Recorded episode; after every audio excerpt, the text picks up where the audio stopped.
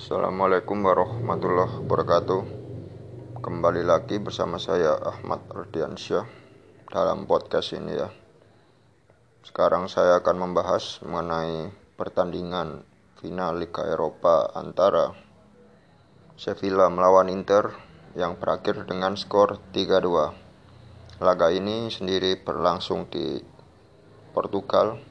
Eh maaf, maksud saya berlangsung di Jerman ya dengan wasitnya berasal dari Belanda. Langsung saja saya bahas dari pertama. Sebenarnya Inter ini mendapatkan apa ya, baik Inter maupun Sevilla ini langsung melancarkan serangan ya sejak dari awal. Ini terbukti dengan pressing yang sama-sama ketat sejak awal dan si langsung meningkat di mana baru awal pertama ini eh, Sevilla mendapatkan tendangan bebas dari sisi kiri di mana Reguilon dilanggar oleh Di Ambrosio ya.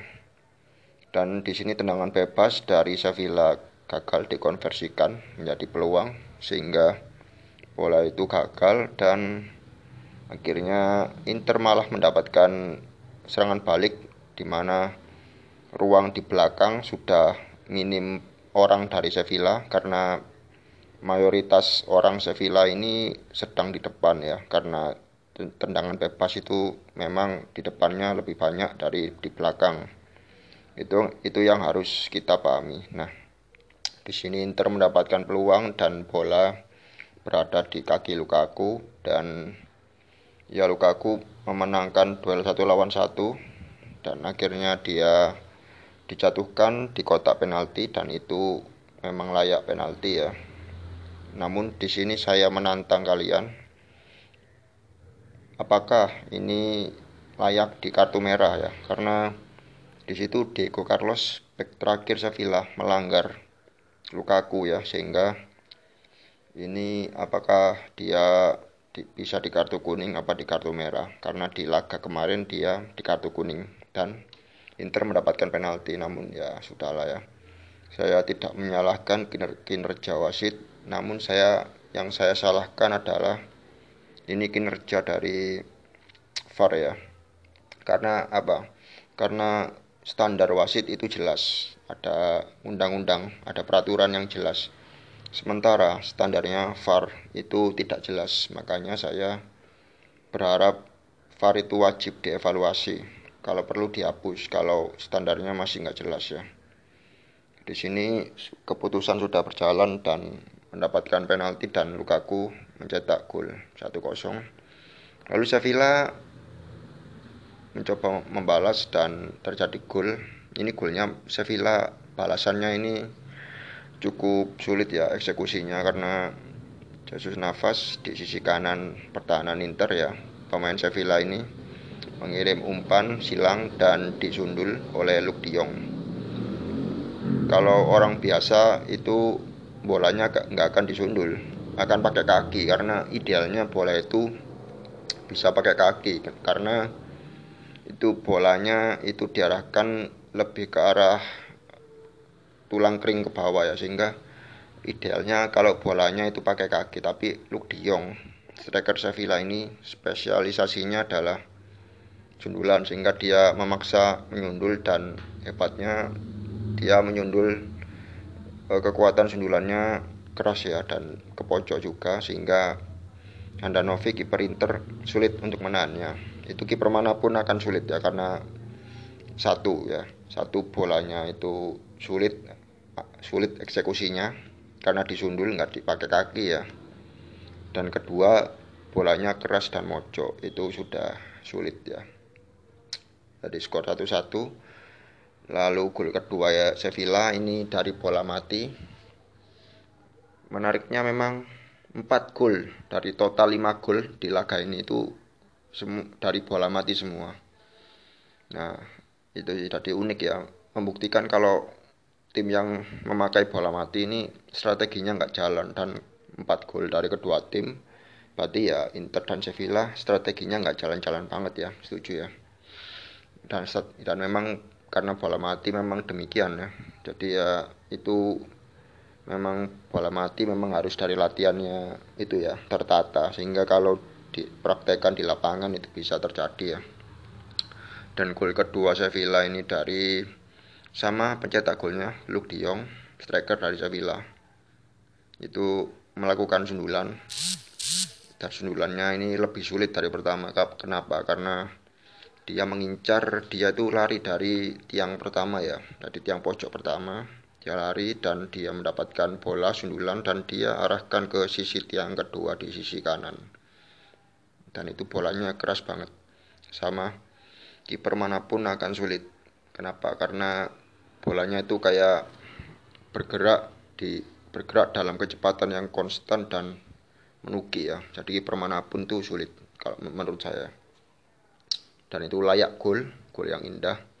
Saya rasa itu gol yang dari latihan ya dari latihan yang keras sehingga ketika di final beruntungnya dapat dipraktekkan ya. Terus 2-1 lalu Inter lagi-lagi mendapatkan bola mati. Dan ya bola itu masuk ya. Nah Inter ini mendapatkan tendangan bebas ya dari sisi kanan. Dan bola ini disundul oleh Diego Godin ya.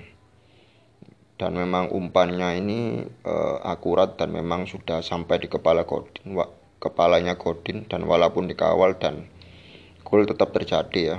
Dan itu bola sulit kiper dari Sevilla Bono pun sampai mencoba menggapai pun nggak apa ya nggak sanggup karena bolanya keras dan memang ke pojok juga jadi Inter mendapatkan gol dan skor berakhir 2-2 dan di babak kedua uh, apa ya kayak intensitas permainannya jauh menurun sekali.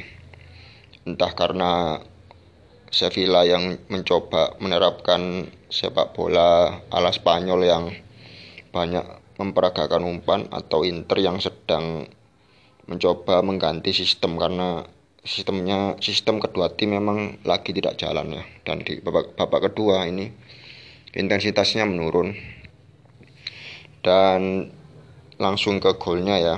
Ini Sevilla mendapatkan gol lagi-lagi melalui bola mati walaupun golnya bisa dikatakan bola hidup ya karena golnya nggak langsung dieksekusi. Namun karena bola muntah dari sapuan kepala dari kepala eh, dari eh, sapuan kepala dari Inter yang kurang sempurna. Jadi golnya ini dari sama dari tendangan bebas dikirim ke atas ke kotak penalti dan dicoba disundul oleh siapa ya? Dari back inter itu The Fry ya sama siapa gitu. Kayak salah komunikasi sehingga menyundulnya menyundulnya tidak, tidak sempurna jadi sundul tidak sempurna sehingga di situ Diego Carlos ya yang di babak pertama menjadi pesakitan karena menjatuhkan Lukaku dan menyebabkan Sevilla terkena penalti dan dia terkena kartu kuning saat itu. Ini malah Diego Carlos seakan membayar segala kesalahannya dengan dengan melakukan tendangan salto ya. Dan uniknya salto Diego Carlos ini seharusnya ya kalau tidak kena pemain lain melebar jauh buktinya apa Buktinya tayangan ulang, tayangan ulangnya membuktikan demikian dan kipernya Inter si Handanovic itu diem ya. Itu diem. Jadi ya ya harus harusnya out karena bolanya nggak keras-keras banget. Pemain itu seharusnya bisa merespon kalau yang dekat bola situ ya. Nah, cuma di sini uh, Lukaku ini kayak gimana ya? Di situ ada luka aku di jalurnya bola salto dari Diego Carlos ini terdapat luka aku dan sialnya mengenai kaki luka aku ya. Kaki bagian mana ya? Saya rasa bagian belakang deh karena luka aku nggak secara langsung menghadap bola. Dia kayak membelakangi bola gitu. Nah dan kena kakinya luka aku dan berbelok ya. Sial sekali karena ya seharusnya bola tidak masuk malah masuk ya dan bola ini membuat gol dan ya ini membuat Lukaku yang yang awalnya diusung sebagai pahlawan karena subur di Inter dengan dengan mencetak banyak gol. Di laga ini dia mencetak tendangan penalti. Namun dia malah mencetak gol melalui gol bunuh diri. Tapi gol bukan gol bunuh diri. Kenapa? Karena bunuh diri itu terjadi kalau eh, tendangannya lawan atau apa ya kok kayak tendangan lawan itu tidak mengarah eh maksudnya mengarah ke gawang lalu dibelokkan lawan itu tidak bunuh diri ya. Tapi kalau mengarah ke samping tapi diarah mengarah kayaknya kalau meng, maksudnya mengarahnya itu tidak ke gawang tapi dibelokkan itu bunuh diri. Nah ini bukan gol bunuh diri ternyata ya. Ternyata ini bersih gol Diego Carlos ya walaupun kena kakinya Lukaku. Nah, di sini saya sangat kritisi Conte ya. Kenapa? Karena dia telat mengganti pemain ya karena eh, praktis di menit berapa ya 70 eh, 65 ke atas itu strategi Conte enggak apa ya enggak terlalu berjalan kayak Lukaku dan Lautaro Martinez ini jarang jarang mendapatkan suplai ya ini benar-benar karena terbantu karena Lukaku sering turun dan mendapatkan bola sehingga kerja Martinez agak ringan. Namun di sini butuh benar-benar butuh seorang penyuplai bola ya, seorang gelandang serang. Dan Conte telat menyadarinya karena dia baru memasukkan Erikson itu hampir di akhir laga ya. Menit-menitnya saya lupa. Dan Sanchez juga masuk. Nah, ini sehingga membuat eh, gimana ya? Membuat Inter lambat bereaksi dan pemain kayak Erikson ini harusnya ya sejak babak kedua dimasukkan. Kenapa? Karena strateginya Inter ini kayak prospeknya kurang baik pada pertandingan ini kurang jalan gitu sehingga Conte saya rasa cukup apa ya saya katakan cukup keras kepala bertahan dengan strategi yang nggak berjalan berjalan banget dan nggak mencoba mengganti strategi dan Erikson telat masuk tapi ya memang mungkin sepak bola tetaplah sepak bola dan memang sudah terjadi keputusan sudah diambil wasit dan skor akhir 3-2 untuk Sevilla dan Sevilla menjadi menjadi juara. Nah, Sevilla yang langganan juara Liga Eropa akhirnya mendapatkan juara Liga Eropa lagi ya. Jadi Spanyol ini merajalela ya. Jadi Spanyol ini tiga kali beruntun Liga Champions Spanyol dari Madrid. Tiga kali beruntun Liga Eropa Spanyol itu Sevilla. Nah, jadi Spanyol ini mendominasi ya. Lalu bagaimana Inter?